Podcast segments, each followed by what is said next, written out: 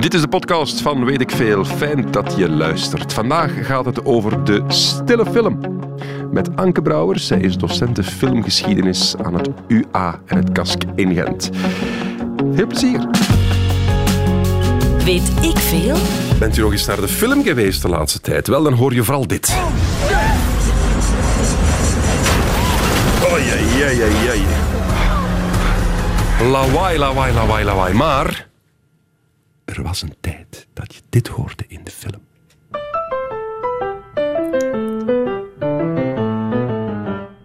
En niet meer dan dat. Gewoon rustige muziek. En de beelden vertelden wat er verteld moest worden. En daar gaat het vandaag over. In weet ik veel over de stille film. Met Anke Brouwers. Anke, goedemiddag. Goedemiddag. Je bent docent filmgeschiedenis. Je hebt ook een boek geschreven. Mooi zijn en zwijgen, de machtige vrouwen van de Amerikaanse stille film. Ja, dat klopt. Kan je een uur praten over de stille film? Want er wordt niet veel in gezegd. Goh, ik kan daar twee uur over praten, de hele namiddag. Ik weet niet of er nog plaats is We in het hebben ruimte. programma. De tour is voorbij, maakt niet uit. Echt waar, want ja, Dat, dat is zo een, een, een deel van de filmgeschiedenis die, die allee, mij volledig, volledig... eh, Dat begrijp ik, maar het is totaal onterecht. Want ook trouwens, als je ermee kennis maakt, dan kom je terecht in een wereld vol verhalen en anekdotes. En vooral heel veel technologische ontwikkelingen die we nu vandaag nog altijd kennen. En de manier waarop films verteld worden, dat is allemaal al vastgelegd in de stille periode. Dus eigenlijk kan je perfect in dat bad springen Super. en ontdekken. Is dit te cliché, dit muziekje? Of niet? Misschien een beetje. Een beetje, oké, gedaan. Dan draai je iets anders. Wat denk je van Katie Melua, Mary Pickford? Dat is een goede start, ja. Waarom? Wel, het gaat over een van de belangrijkste vrouwen uit de Amerikaanse filmgeschiedenis, Mary Pickford. En eigenlijk vertelt het liedje het verhaal. Dus dat is goed, moet ik al minder babbelen. Storytellingen weet ik veel. Fijn dat je luistert. Dit is Weet ik veel over de stille film met Anke Brouwers. En met u, de luisteraar. Goedemiddag.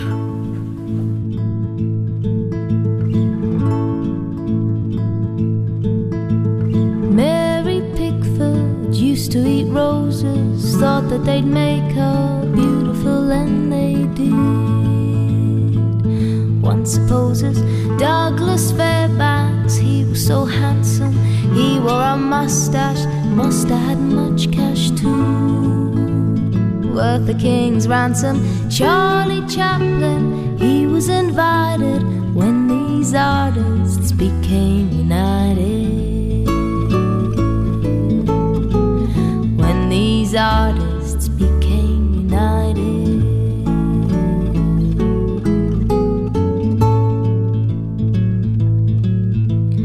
David Griffith worked as an extra, then as a stagehand until they let him be a director. Dave was brave, a mover and shaker, a true pioneer. He seemed to show no fear just like Chaplin. He was invited when these artists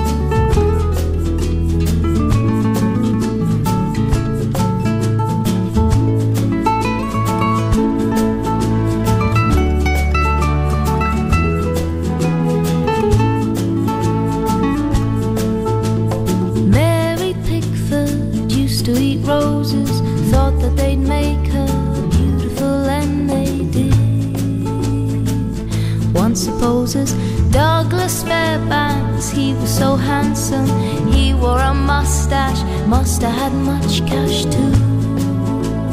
Worth the king's ransom, Charlie Chaplin, he was invited when these artists became united. when these artists became united. When these artists became verhaal van Mary Pickford, een van de sterren van de stille cinema van vroeger, door Katie Melua. Maar het leek echt een stomme film te gaan worden, hè? maar het is toch gelukt. Hè? We hebben tekst. We hebben tekst. Dat is toch geen belediging? Een stomme film is een film zonder, zonder klank. Zonder, hè?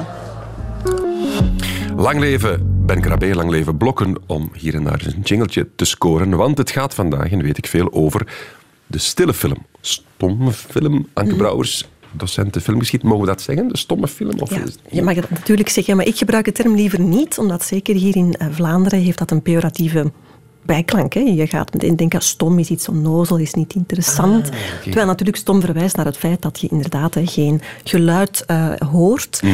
Ehm, maar anderzijds is het ook een beetje verwarrend, vind ik, omdat eigenlijk natuurlijk in stille films zie je wel mensen wel degelijk praten en converseren. Dat wordt op een andere manier opgelost. Dat wordt meestal met tussentitels opgelost. Dus Ja, je krijgt wel tuurlijk. Degelijk die zwarte dialogen. pancartes Ja. met witte tekst. Klopt, tekstpancartes die dat eh, opvangen. En is dat trouwens zeker eh, naar het einde van de stille periode toe, wordt dat echt heel gesofisticeerd. Wordt dat heel snel en snedig, wordt dat zeer eloquent, grappig. Ehm, dus gaat dat zeker eigenlijk ook wel... eh, je vergeet eigenlijk bij momenten, als je in een film zit, vergeet je bij momenten dan dat je geen geluid hebt. Eh, maar ik kies dus stille film, omdat het meer eigenlijk naar inderdaad, die beelden zijn stil. Maar ook dat is misschien een beetje fout, omdat geen enkele stille film werd in stilte bekeken. Dus- Omdat er muziek op komt. omdat er muziek bij stond, zoals je daarnet ook al zei. Dus je kreeg begeleiding. En dat kon gaan van een eenvoudig muzikaal deuntje op de piano. Dat werd soms ook een orgeltje. Soms was er iemand met een fluit bij. Live? Live werd dat altijd, ja, daarbij. En welke jaren zitten we nu? Dat is vanaf het begin eigenlijk zo. Ah, ja. Dus als je echt in, tenminste als films geprojecteerd werden voor een publiek, werd daar dus eh, muziek voor voorzien. Dat werden ook in de loop van de jaren tien orkesten. Hè, dus de hele grote blockbusters dan. hè, Ja. Vandaag, toen werd dat nog niet zo genoemd, maar de grote publieksfilms. Hè, die werden voorzien van een muzikale, eh, van een, or- een orkest. Dus eh, daar werd speciaal muziek voor geschreven. Dus, En- dus je, ging naar de cinema en in de cinema zat ook een orkest dat Ja. live meespeelde met de film die geprojecteerd Ja. werd. Dus het is een dubbele ervaring. Dus, dus deels eigenlijk inderdaad film zoals wij het kennen, maar het was ook een, een, een unieke podiumervaring, want je hebt een uniek concert. Dus je kon naar een film gaan kijken en naarmate wie dat, dat begeleidt, is dat nu toevallig één pianist of zijn dat, eh, is dat een heel orkest, is die ervaring ook totaal anders. Ah, ja. Ja, klopt. Ik ben ooit in het Sportpaleis naar eh, Lord of the Rings gaan kijken en de muziek werd daar live Ja. gespeeld. En dat was inderdaad wel een heel andere filmervaring. Ja, Omdat je veel meer met de muziek dan bezig Ja. bent. En het is ook de interpretatie live van een, eh, van een dirigent en van een heel Ja. orkest dat dat mee bepaalt. Zij zullen bepaalde accenten leggen die misschien een ander orkest of iemand anders niet legt. En dat kan eigenlijk de ervaring, de, de betekenis, soms zelfs het narratief een beetje, hoe jij dat ervaart als kijker beïnvloeden. Dus dat maakt het heel uniek. Fijn. Laat ons, eh, laat ons gewoon beginnen bij het begin. Weet ik veel is graag helder. Ehm, de film, tout court. De uitvinding. Wanneer is de eerste film gemaakt, geproduceerd, geprojecteerd? Ja. Neem ons eens mee. Helder, helder. Het is meteen ingewikkeld, omdat er eigenlijk tegelijkertijd verschillende... ehm, eigenlijk is het een, technisch, het is een technische uitvinding. Hè. Het is dus niet ontstaan als kunst. Hè. Wij spreken nu wel over de filmkunst. Maar het ontstaat in een heel wetenschappelijke context in de loop van de 19e eeuw.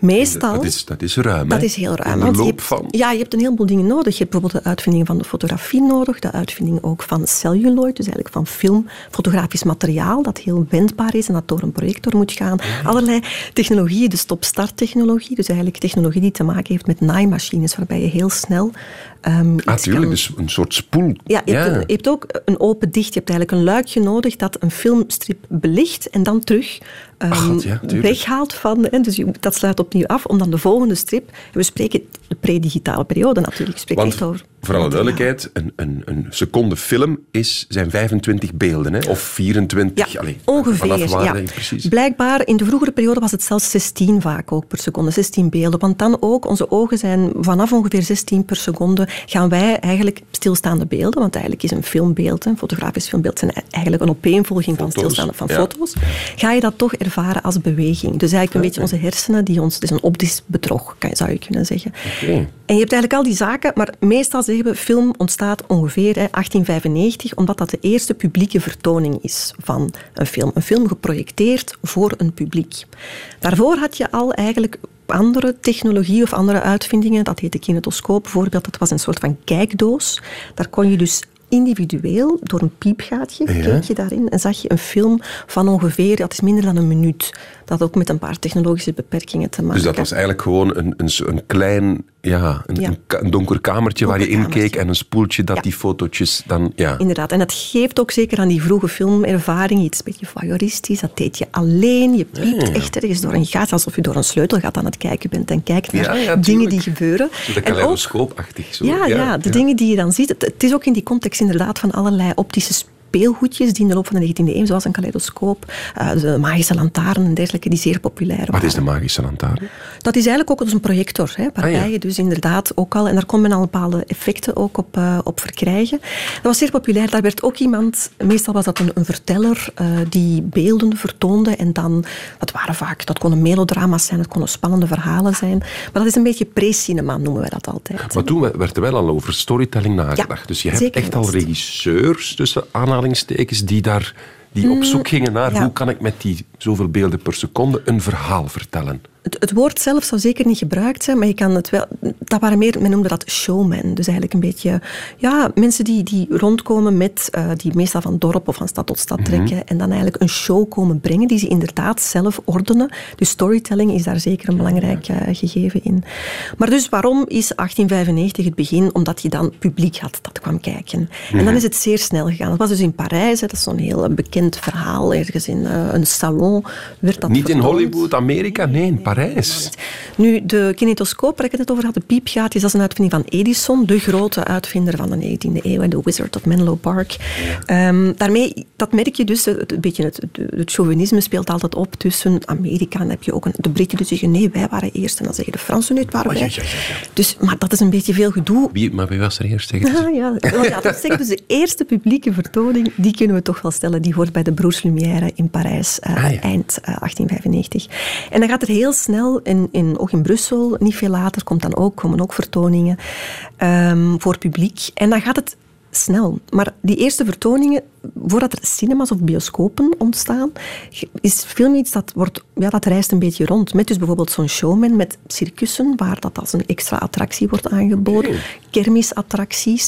Het is een onderdeel van het vaudeville, van de variété. Dus eigenlijk een soort van podiumshow waar je verschillende dingen kon Mhm. gaan bekijken. Van acrobacieën tot korte sketches en ook filmvertoningen die je En, wat vertoonden ze dan precies? Wat voor films waren Ja. eh, wilde dieren in Afrika? Zo'n dingen? Eh, Ehm. het exotische, het on- onbekende of net niet? De twee. Dat is eigenlijk heel interessant. Om, het zijn de twee dingen. Dus je krijgt zowel het meest dagelijkse en bijna ordinaire en banale als een, twee mensen, twee acteurs die elkaar een kus geven.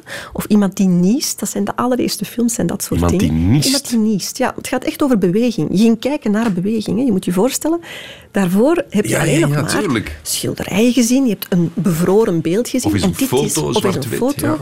Ehm, dat zijn zo, of dansen, er zijn ook danseressen. En, en, dan krijg je zeker de Lumières. Dus ehm, iemand, Edison die maakte films in een studio in New Jersey.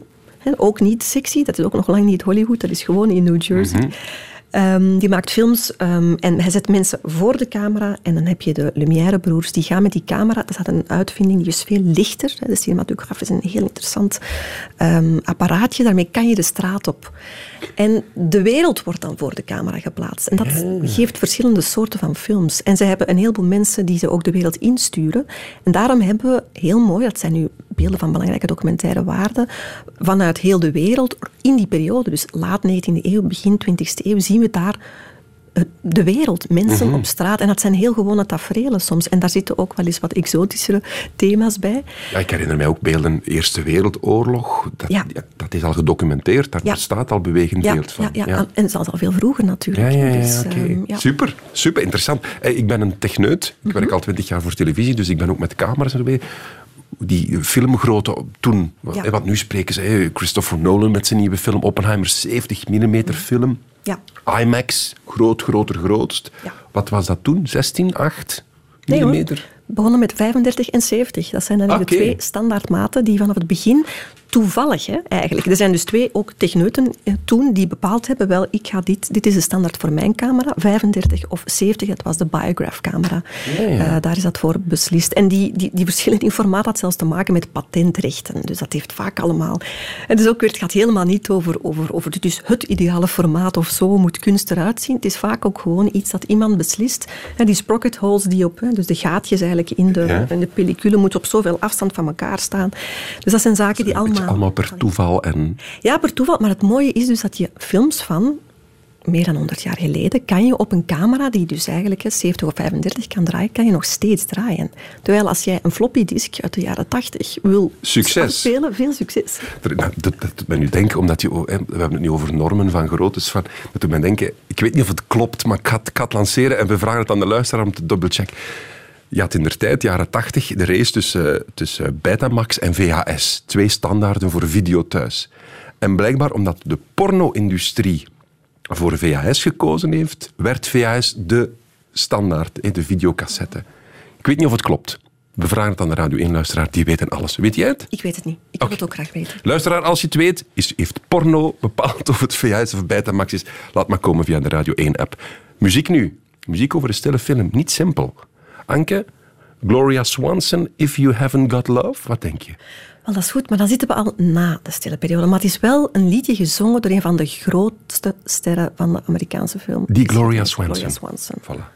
Doen we.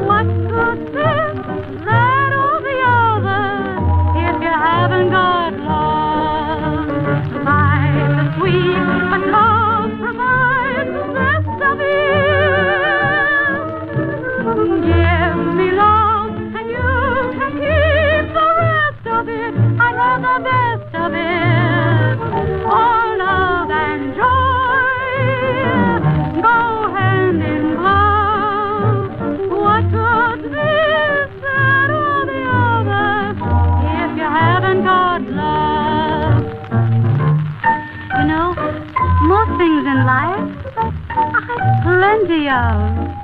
But what good's this, that, or the other if you haven't got love? I, I three big meals a day and a, a gorgeous roof above.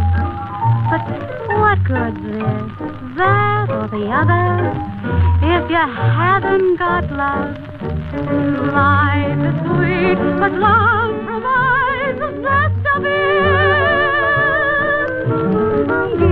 me love,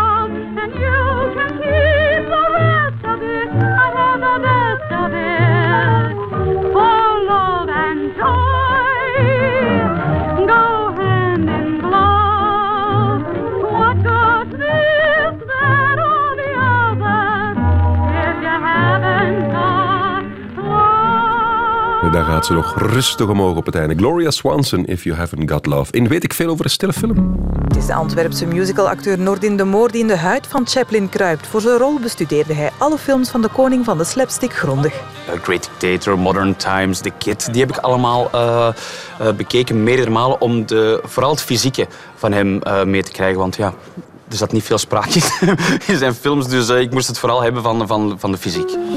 Quoteje van een acteur die Charlie Chaplin eh, moest spelen in een musical een paar jaar geleden. Bij mij zit hier filmdocenten, nee, docenten filmgeschiedenis, zo moet ik het zeggen. Anke Brouwers, ook auteur van het boek Mooi zijn en zwijgen, de machtige vrouwen van de Amerikaanse stille film. Want het gaat dus over die stille film vandaag. Anke, ja, een, een jingle over Charlie Chaplin, omdat dat voor mij dan, want ik ken echt niks van die stille film, dat is het icoon. Dat is denk ik de bekendste, maar misschien onterecht, ik weet het niet. Nee, nee, zeker niet onterecht. Absoluut niet. Het is een icoon, het is trouwens een icoon van de hele 20e eeuw, zou je kunnen zeggen. Hè. Ehm, maar dat is inderdaad, als je dus een rondvraag doet van eh, wat, wat, stille film, wat, wat, wat ken je dan, waar denk je aan? Dan ga je meestal Chaplin horen, misschien ook wel eens Buster Keaton. De comedians zal je vooral horen. De Ja. Lauren en Hardy, de dikke en de dunne, dus die figuren. Die, eh, ehm, natuurlijk komt dat ook wel zeker bij Chaplin, die heeft nog een carrière gehad na de stille periode. En dat geldt zeker niet voor iedereen. Hè. Dus eh, Gloria Swanson, die we daar, daarnet dat liedje hoorden zingen, If You Haven't Got Love, ehm, heeft wel een carrière nog gehad, maar zeer eh, sporadisch is hij terug in de, eh, ja, in de spotlights gekomen. Dus haar, haar bekendste eh, terugkeer of comeback, zou je kunnen zeggen, is die in Sunset Boulevard. Dat zal je misschien ook wel iets zeggen. Een film van Billy Wilder uit 1950. En daarin speelt ze dan een ouder geworden stille filmicoon. eh, dat die niemand nog kent. Hè, en waar ze dan eigenlijk ja, langzaam maar zeker in de waanzin is, eh, is weggezonken. maar dus Chaplin, die, die, die is inderdaad de meest voor de, tot de verbeelding sprekende figuur. Hè, met zijn typetje, dat een soort van, van, van warm typetje ook werd. Hè, een soort van, hij vertegenwoordigt een beetje ook eh, de menselijkheid. Hè. Dus eh, hij gaat heel vaak als een buitenstaander, komt hij overal terecht. En Ja. eh, met zijn, wat is het, de hoed is te klein, denk ik, en de jas is te groot, Ja, de broek is te groot, ja, en hij wandelt. stokken en ja. een bijzonder figuurtje. Maar omdat het stil is, heel expressieve acteurs, echt karikaturen, Ja. was dat altijd zo? Of had je ook heel, heel mooie, rustige films? Had je ook politieke films? Had je, had je zeker, zeker. documentaires toen ook Ja, al? absoluut, ja. Allemaal. Dus het, ehm, nu, Chaplin, het gaat over comedy, dus comedy is altijd uitvergroting. Daarmee natuurlijk dat ook de uitvergroting extra opvalt. Eh, maar het is zeker een beetje een misvatting over stille film. We denken, als we dan beelden zien, eh, dan krijg je vaak een beetje te snel afgespeelde beelden meestal, van mensen die daar staan te gesticuleren met hun armen en wijzen. Ja, en overacting. Ik klink direct Ja, aan die overacting. ja. En dat is eigenlijk niet juist, omdat dat ehm, misschien in de vroege periode zoekt men naar een beetje, men moet moduleren. Je moet je voorstellen, je komt als acteur in een nieuw medium terecht en je moet echt nog zelf gaan ontdekken hoe groot moet ik spelen. Als je op een theater Ja, staat, ja, dan moet je natuurlijk, als je ze helemaal van achter moet zien, moet je misschien goed duidelijk maken, ik wijs nu of ik heb deze, hè, ik ben deze expressie, ik geef daar uiting aan. Als er een camera vlak voor je neus staat, dan is dat niet nodig. En dat moet je ontdekken. Dus er zijn wel periodes waarin je ziet dat acteurs echt zoeken naar wat is nu de goede manier om eigenlijk met zeer weinig, want dat is dan de les die ze leren, hoe, hoe kleiner je speelt, hoe, hoe, hoe groter het effect kan eigenlijk worden. Ehm, en sommige regisseurs hebben dat ook sneller door en gaan hun acteurs veel beter coachen. En er zijn een aantal eh, filmmakers en ook acteurs die heel snel door de pers dan ook en door de kritiek eigenlijk worden op, uitgepikt, waarvan men zegt van ja, dit zijn mensen die, die, die naturel spelen. Hè, die eigenlijk, Doe eens wat eh, name dropping. Geef eens, geef eens wat namen waar je Ehm. zegt, ja, als, als mensen zich of, of benieuwd of nieuwsgierig worden door dit te horen. Mary Pickford is dus daarnet Ja. ook al in dat liedje van Katie Melua hoorde je haar. En zij was iemand die in de pers werd geprezen voor haar ehm, ja, geloofwaardigheid, ehm naturel spelen, een soort van eh, oprechtheid, authenticiteit die zij meebracht eh, naar, naar film. Ehm, en dus dat, dat, dat is dan een kleiner spel. Zoals je daarnet zegt, is het altijd groot. Nee, dat is een veel kleiner en subtieler spel. heeft veel meer met blikken te maken. Maar heeft ook te maken met acteurs die weten hoe cinema werkt. Dus die weten van, kijk, nu staat de camera daar, of die weten, dit is het kader. Nu ben ik zo te zien in beeld. Ook dat was allemaal nieuw. Dat is allemaal nieuw, ja. Beeldtaal, Ja. eh, eh, medium shots, close-ups, ruim beeld. Ja, ja, Dat tuurlijk. komt allemaal na verloop van tijd. Dat gaat men ontdekken. En zeker in het begin, zelfs met iets als close-ups, dat moest men een beetje... Ah, men dacht altijd van, kan- kunnen we dat wel maken? Hè? Is dat niet, gaan de mensen niet denken, wat is dat, een afgesneden hoofd? Of hoe moet ik dat interpreteren? Eh, en daar werd af en toe wel ook over geklaagd. Hè? Of afgesneden voeten, of waar, hè? hoe ga je je kader plaatsen? Ga je dat net tot boven het hoofd doen? Laat je een stuk van de horizon zien of niet? Dat zijn allemaal keuzes die moeten gemaakt worden. En dat moet ook afgetoetst worden naar een publiek, dat in het begin ook inderdaad vaak moet wennen. Ehm, Ja, ik kan je- me voorstellen, als je theater gewoon bent en je gaat ineens in een donkere zaal zitten en je krijgt een close-up van een, van een gezicht, Ja. Dat dat inderdaad... Nu, vandaag de dag kan je je niet meer voorstellen. We zien de meeste close-ups in, in high speed en wat is het allemaal. Maar toen, ja, dat moet wel... Dat is een heel andere manier van, van storytelling of van een verhaal vertellen dan theater of... of Ja. ja. het moet een revolutie geweest zijn. Ja, zeker en vast. En dat zie je, daarom is dat ook zo'n interessante periode. Je ziet zoveel veranderen doorheen de jaren. Een film uit 1905 valt in niets te vergelijken met een film uit 1915.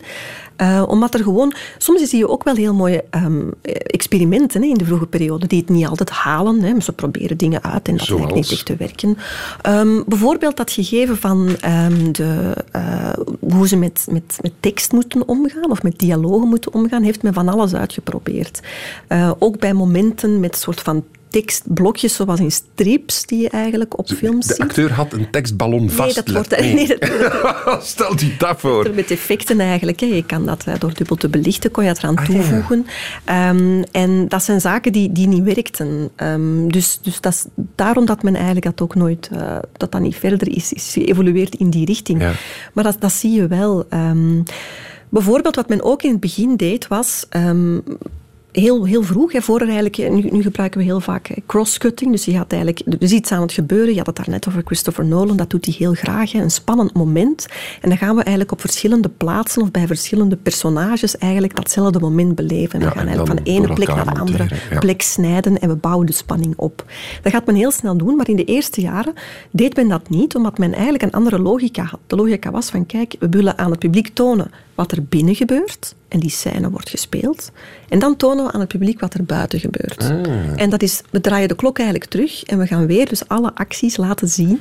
Dat is de theaterfilosofie. hè. Op theater heb je één decor en je moet het... Of ah ja, als je een decorwissel doet, ja, dat, dat, ja. dat is het theateridee van, van verhaal Bijvoorbeeld theater of bijvoorbeeld literatuur. Hoewel bij literatuur was het zo dat eh, iemand, D.W. Griffith is iemand die belangrijk is geweest voor de Amerikaanse filmgeschiedenis, voor het eh, gaan ehm, ja, mee...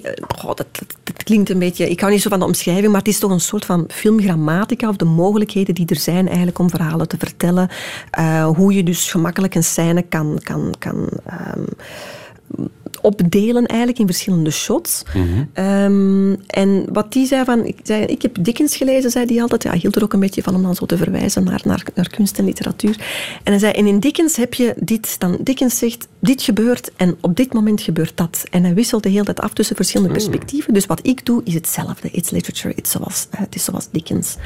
En op die manier gaat men eigenlijk, en dat gaat razendsnel. Hè, dus dat is iets dat eigenlijk al in de loop van de jaren, eh, in de eerste decennium en dan in de loop van de jaren tien zich nog verder zal, eh, zal verbeteren. Ja, ja, ja. Fijn Of om- verbeteren. Het wordt eigenlijk meer en meer zoals wij nu filmtaal begrijpen en filmtaal verwachten. Even terug naar onze porno-oproep. Ah ja, massale, massale belangstelling. Vooral mannen. grote kennis. Opvallend. Ja, vooral mannen. Kurt eh, van Dommelen bijvoorbeeld. Het ging niet over de kwaliteit, maar ehm, porno rules the world.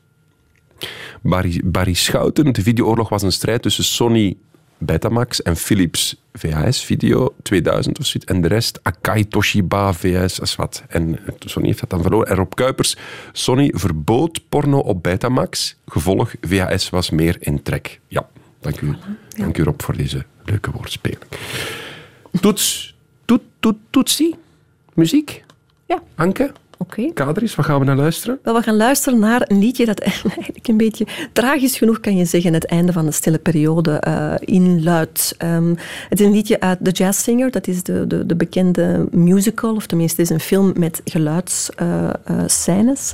en Al Jolson, die zingt daarin het liedje Tutu Tutsi. Eh, en dat was het begin. Hierna kon men niet meer terug naar de stille Ah, ja. eh, filmindustrie en is men beginnen op hoog tempo eh, veranderen naar geluid. Yesterday I heard a lover sigh. Goodbye, oh me, oh my. Seven times he got aboard his train. And seven times he hurried back to kiss his love again and tell her, tut tut tootsie, goodbye. Tut tut tootsie, don't cry. That choo-choo train that takes me away from you. No words can tell how sad it makes me. Kiss me, titty, and then do it over again. Watch for the mail, I'll never fail if you don't get a letter, then you'll know I'm in jail. Tut tut tootsie, don't cry. Tut tut tootsie, goodbye.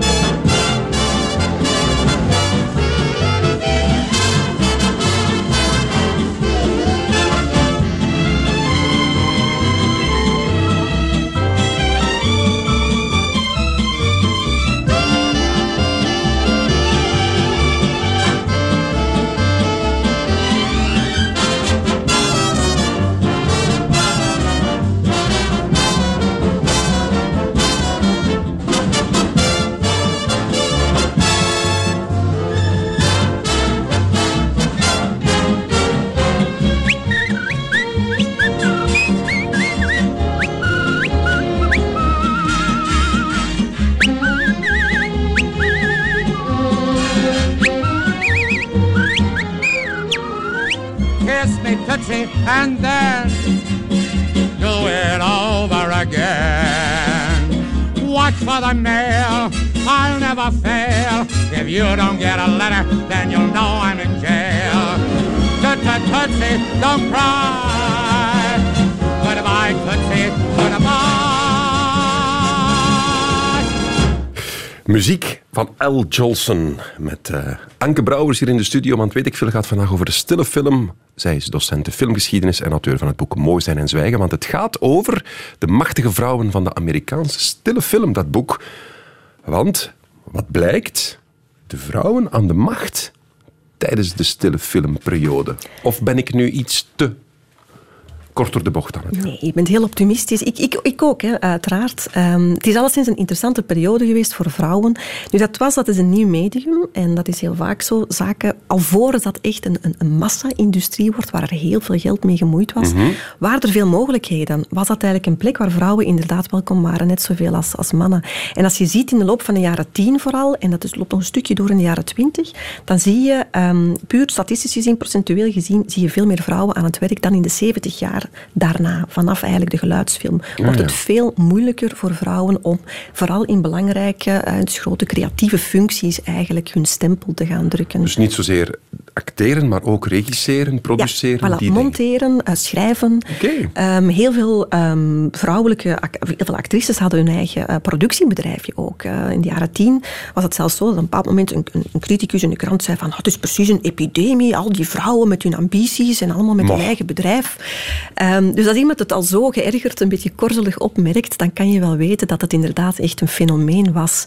En dat was het ook. Hè. Dus je ziet inderdaad, productie is, is zeer belangrijk, omdat je daarmee ook beslissingen kan nemen over wat zal er gemaakt worden, met wie zal het gemaakt worden. Dus dat is eigenlijk een zeer belangrijke functie. Maar ook op het creatieve af. Bijvoorbeeld een van de best betaalde ehm, scenaristen uit de stille periode was een vrouw, was Frances Marion, die daar eigenlijk eh, een, een zeer lange, zeer succesvolle carrière he- heeft gehad. Ze heeft ook een aantal films geregisseerd. Uiteindelijk lag schrijven haar meer, of wat dat dan ook een beetje mee ligt aan de, de opkomende macho-cultuur, die wel degelijk vanaf de jaren twintig een, een probleem bleek te zijn.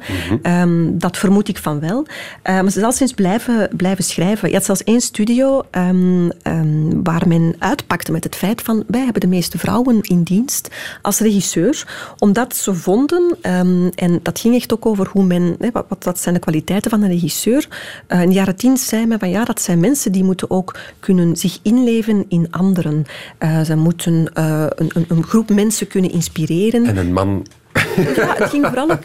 Nee, een man kan dat ook. Hè. Ja. Maar het ging ook over het feit dat, dat vrouwen empathisch konden zijn, werd als een pluspunt gezien. Ah, ja. En later gaat dat een beetje keren, gaat men zeggen, ja, maar al die emoties, ja, we willen net iemand die niet te veel aan emoties doet, hè, die dan als een echte leider een, een set kan eh, gaan, eh, eh, gaan commanderen. Je ziet dat trouwens ook, dat is zeer grappig, ehm, hoe regisseurs zich gaan kleden op een bepaald moment, mannelijke regisseurs dan, dat is heel vaak in zo'n beetje, zo'n beetje expeditiekledij, alsof als ze zo moeten vertrekken eh, naar de Himalaya's, dus dan zijn ze gekleed, of als ze naar de oorlog moeten vertrekken, eh, zo met, met, eh, met hoge laarzen en, en klaar om, ehm, om aan een moeilijke tocht te beginnen.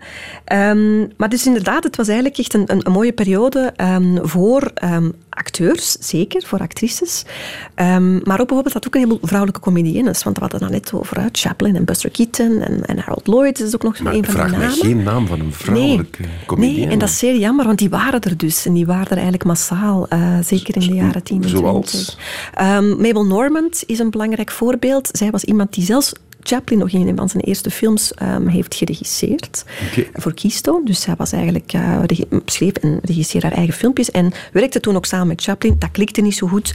Waarschijnlijk omdat het twee ehm, ja, mensen met... Als je twee mensen hebt met veel ideeën, dat kan natuurlijk wel eens gaan botsen. En Chaplin zei dan van, ja, zeg, al mijn goede ideeën, die wilden ze niet doen. Dus is een beetje knorrig weggegaan. Eh, maar zij was een zeer, ehm, eh, zeer geliefde. Nu, die carrière waarom dat je haar niet kent, heeft er ook mee te maken dat ze niet zo'n heel lange carrière heeft gehad door ook persoonlijke omstandigheden. Oei. Je had het leven niet helemaal in de hand, dus dat speelt natuurlijk ook mee. Waarom je mensen soms uit de geschiedenis vallen, is er ook altijd die persoonlijke component. Nu dat je dat zegt, klopt het dat Charlie Chaplin echt een etter was? Want dat wordt dan gezegd, hè? Ah, Ik laat jou dat zeggen. ehm, dat is heb dat goed. ooit eens Oh, gehoord. een etter. Ehm, ik denk dat de echt een grote... onmogelijke vent was. Ehm, ik denk dat er heel veel onaangename kanten aan hem waren. Ik denk ook, maar dat komt heel vaak, en ik weet niet of je dat moet goed praten, maar dat komt met het, het deels ja, geniale misschien, of deels hè, zijn, zijn, zijn inzichten en zijn ideeën waren ontzettend goed. En het was iemand die dus heel veel eiste, die ook dat is iemand die de meeste, die heel visuele grappen draaide. En van al die grappen ging er 80% ook in de vuilnisbak. Dus echt heel efficiënt werd daar niet gewerkt. En dat kostte ook heel veel geld. Werkte heel traag. Was een beetje moody inderdaad. Dus ehm, ja, ik denk dat heel veel mensen zal vinden die misschien zullen bevestigen dat het een beetje een ettertje was. Ehm, maar laat ons dat niet eh, als het enige zijn waar we nu aan, aan denken. nee Anke, maar het is omdat je name dropt, Charlie Chaplin. En ja, Ja. ik dacht, het ziet er zo in, het slungeltje en sympathiek, maar ik had ooit eens, denk ik, gelezen dat het eigenlijk een onmogelijke vent was. Ja, ja, een van mijn vrouwen, die trouwens de covergirl is van mijn boek, is Mary Pickford. En eh, zij eh, en Chaplin die hebben wel samengewerkt. Dus ze hebben in 1919 hebben ze samen een studio opgericht, United Artists, eh, omdat ze zich eigenlijk wilden Eh, die, heeft, die, onttrekken. die heeft lang bestaan. Die Heel lang bestaan. Ja, hij heeft toch heel veel Bondfilms geproduceerd Juist, eigenlijk. United eh, Art- ah, dat is van- zeker. Dat is opgericht in 1919 door Mary Pickford, Charles Chaplin en Douglas Fairbanks en D.W. Griffith. Dus dat waren de bekendste filmsterren van het moment. Ehm, maar ze hebben daar altijd, ze hebben een heel moeilijke relatie gehad eh, samen. Hebben ze een Ehm, relatie gehad? Nee, nee, nee. nee, Dus nee. je Een profe- nee, nee, puur professionele relatie. Dat, eh, je weet, Chaplin, daar was Mary Pickford misschien was ook wat te oud naar zijn smaak, denk ik. Ah ja, die- hield ja. van jonge Ja, oké. Ehm, Mitsduiding kunnen we dan wel een plaat draaien van Charlie Chaplin. Eh, A Dog's Life staat klaar. Mhm. Vertel. Ehm, wel, dat is dan muziek. Ehm, nogmaals, ik zei het daarnet ook al. Hè. Chaplin is iemand die, die, waar ik als maker alleen maar bewondering voor heb. Ehm, het is een film over Chaplin, de, de, de, de, de dakloze, het mannetje dat hè, rondzwerft. En vindt vriendschap met... eh, het gaat eigenlijk... Het is een, een slapstickfilm, hè, dus hij gaat een, een, een hond met een hond vriendschap sluiten. En natuurlijk wordt de vergelijking gemaakt tussen het leven van iemand op straat, lijkt een beetje op een hondenleven. Maar daar vind je heel veel eh, humor in. Dus eh, hij schreef ook heel vaak zijn eigen ehm, muziek. Dus het was wel echt een, enorm begiftigd eh, man. Muziek. De film heet A Dog's Life, echt. De film heet A Dog's Life, ja. Oké, ja. voilà. Muziek uit A Dog's Life. Charlie Chaplin.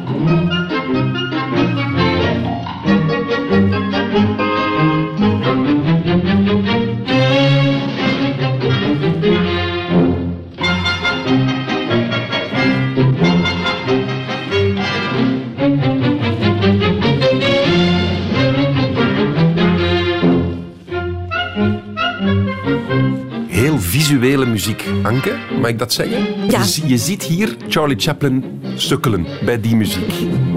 Zeker, het is ook de bedoeling. Ja. Ja, het het gaat in weet ik veel over de stille film. En we draaien vooral muziek uit die stille films. Anke is hier in de studio, docent filmgeschiedenis. Ehm, je zei het al, Charlie Chaplin heeft ook zijn eigen muziek gecomponeerd. Een, een, een multitalent. Was er in die stille film altijd muziek? Of was het ook soms echt gewoon stil? Nee, er zijn wel stilte momenten. Je kan natuurlijk stilte als effect gebruiken. Het is niet dat er eh, constant muziek onder zat. Jawel, dat is Wel, wel de bedoeling, ja. dat je constant muziek had. Ja. Toch. Maar je kon ook, en dat is dan meer in de vroegere periode, er konden ook vertellers bij zijn. Dus er kon iemand naast het scherm staan die uitleg gaf bij de beelden. Er zijn zelfs periodes geweest dat men experimenteerde met acteurs achter de schermen die dan eigenlijk dialogen opzeiden. Dus die zaken zijn allemaal wel, wel Tof. uitgetest. Ja, zeker. En ook heel vroeg, trouwens, heel vroege geluidsexperimenten. Hè, met de chronofoon, al vanaf eigenlijk het begin.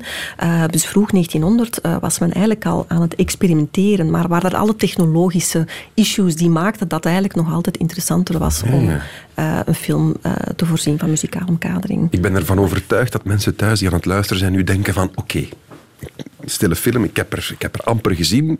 Ehm, geef mij nu eens één of twee of drie titels van dat moet je gezien hebben om het, om het concept stille film echt te snappen. Wat altijd leuk is, is om een programmaatje samen te stellen dat lijkt op een programma dat iemand zou kunnen bekeken hebben in de jaren 10 of 20. Ja. En dat is meestal ook, dat gaat vooraf met een korte humoristische film. Dus kies even een slapstick om op te warmen. Dat is altijd fijn. Geef, Dus eens, geef eens een tip. Bijvoorbeeld, eh, je kan een korte van Chaplin kiezen, maar kies anders eens Buster Keaton, ook altijd heel leuk. Of eh, een, een, inderdaad een korte film van eh Lauren en Hardy. Dat is zo goed om, om, om op te warmen. Die zijn Ja. zeer, zeer, nog steeds geestig. Hoe lang, duur, hoe lang duren Die die? duren meestal van sommigen een kwartiertje tot 24 minuten. Dus één of twee reels, één of twee bobijnen eigenlijk. Hè. Dat waren dus de korte, de korte films. Ah, ja, hangt ja, een beetje, tuurlijk. hangt een beetje af van ook weer het materiële, eh, de materiële context. Dus de duur van een film is, was toen gebaseerd op hoe lang is, is de spoel. Hoe lang is de spoel? Inderdaad. De eerste film, als ze dus beginnen met langere films te maken, begin van de jaren, heel begin jaren tien, begint men met multi-reels. Zo heet het dan ook. Hè? Een, een, iemand, meerdere bobijnen. En dan staat erbij drie reels, vier, vijf, eh, tot en met hè, 15, 20. Hè. Dan werden er heel lange epossen werden ook al gemaakt hè, in de loop van de jaren Ik twintig. herinner me nog als kind, als je naar de cinema ging, toen werd dat geprojecteerd en er kwam zo rechtsboven een, een, een, een vierkantje of zoiets, of iets van een symbool. Dan wist je dat de spoel moest gewisseld worden. Ja, je merkt dat wel. Dan, meestal is de film een beetje, ge- ja, een beetje schade aan de film aan de uiteinden van de spoelen. En Ja, en je voel je eigenlijk dat er een overgang flikkeren. Ja, ja, ja, ja. dat is een spoelovergang. Ja. Het is voorbij, dat is zonde. Maar bon, we zijn ons programma aan het samenstellen. We beginnen met iets geestig, iets kort. Ja, je begint met iets kort geestig inderdaad. Of als je het nog een beetje vroeger wilde, vroeger had men ook zo scenics of actualities en dat is ook zeer geestig. Dat zijn vaak eh, reportages of nagespeelde nieuwsfeiten. Hè. Dus eh, ja, je kon niet ter plaatse, dat is niet zoals nu het nieuws. Nagespeelde Ja, ja, nieuwsfeiten. dat gebeurde zeer vaak, ja, ja. Om gewoon te illustreren van, kijk, hè, dit is er gebeurd daar. En dan kreeg je na, een, re- een reenactment. Maar dat- men was daar niet bezig met het idee van, ah, dat is niet echt. Maar dat bestond niet live. Hè. Dus eh, live coverage of live nieuws brengen, als dat niet bestaat. Maar dan had je toch een beeld van, dit is er gebeurd. Eh, Wat, hè, wat, bijvoorbeeld wat in de- spelen ze dan na? Bijvoorbeeld, de opstanden in eh, ehm, de, de Boer Wars bijvoorbeeld, hè, dat soort zaken, die worden dan eigenlijk... ehm, of de Boxer-opstand in China, die is dan, eh, wordt dan nagespeeld door korte, in korte filmpjes. Ja. Schitterend.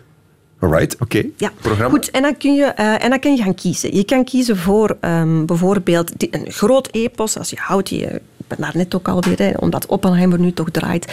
Een grote, bombastische, ook lange, maar ook ambitieuze en visueel echt ook een verbluffende film is Metropolis van Frits Lang.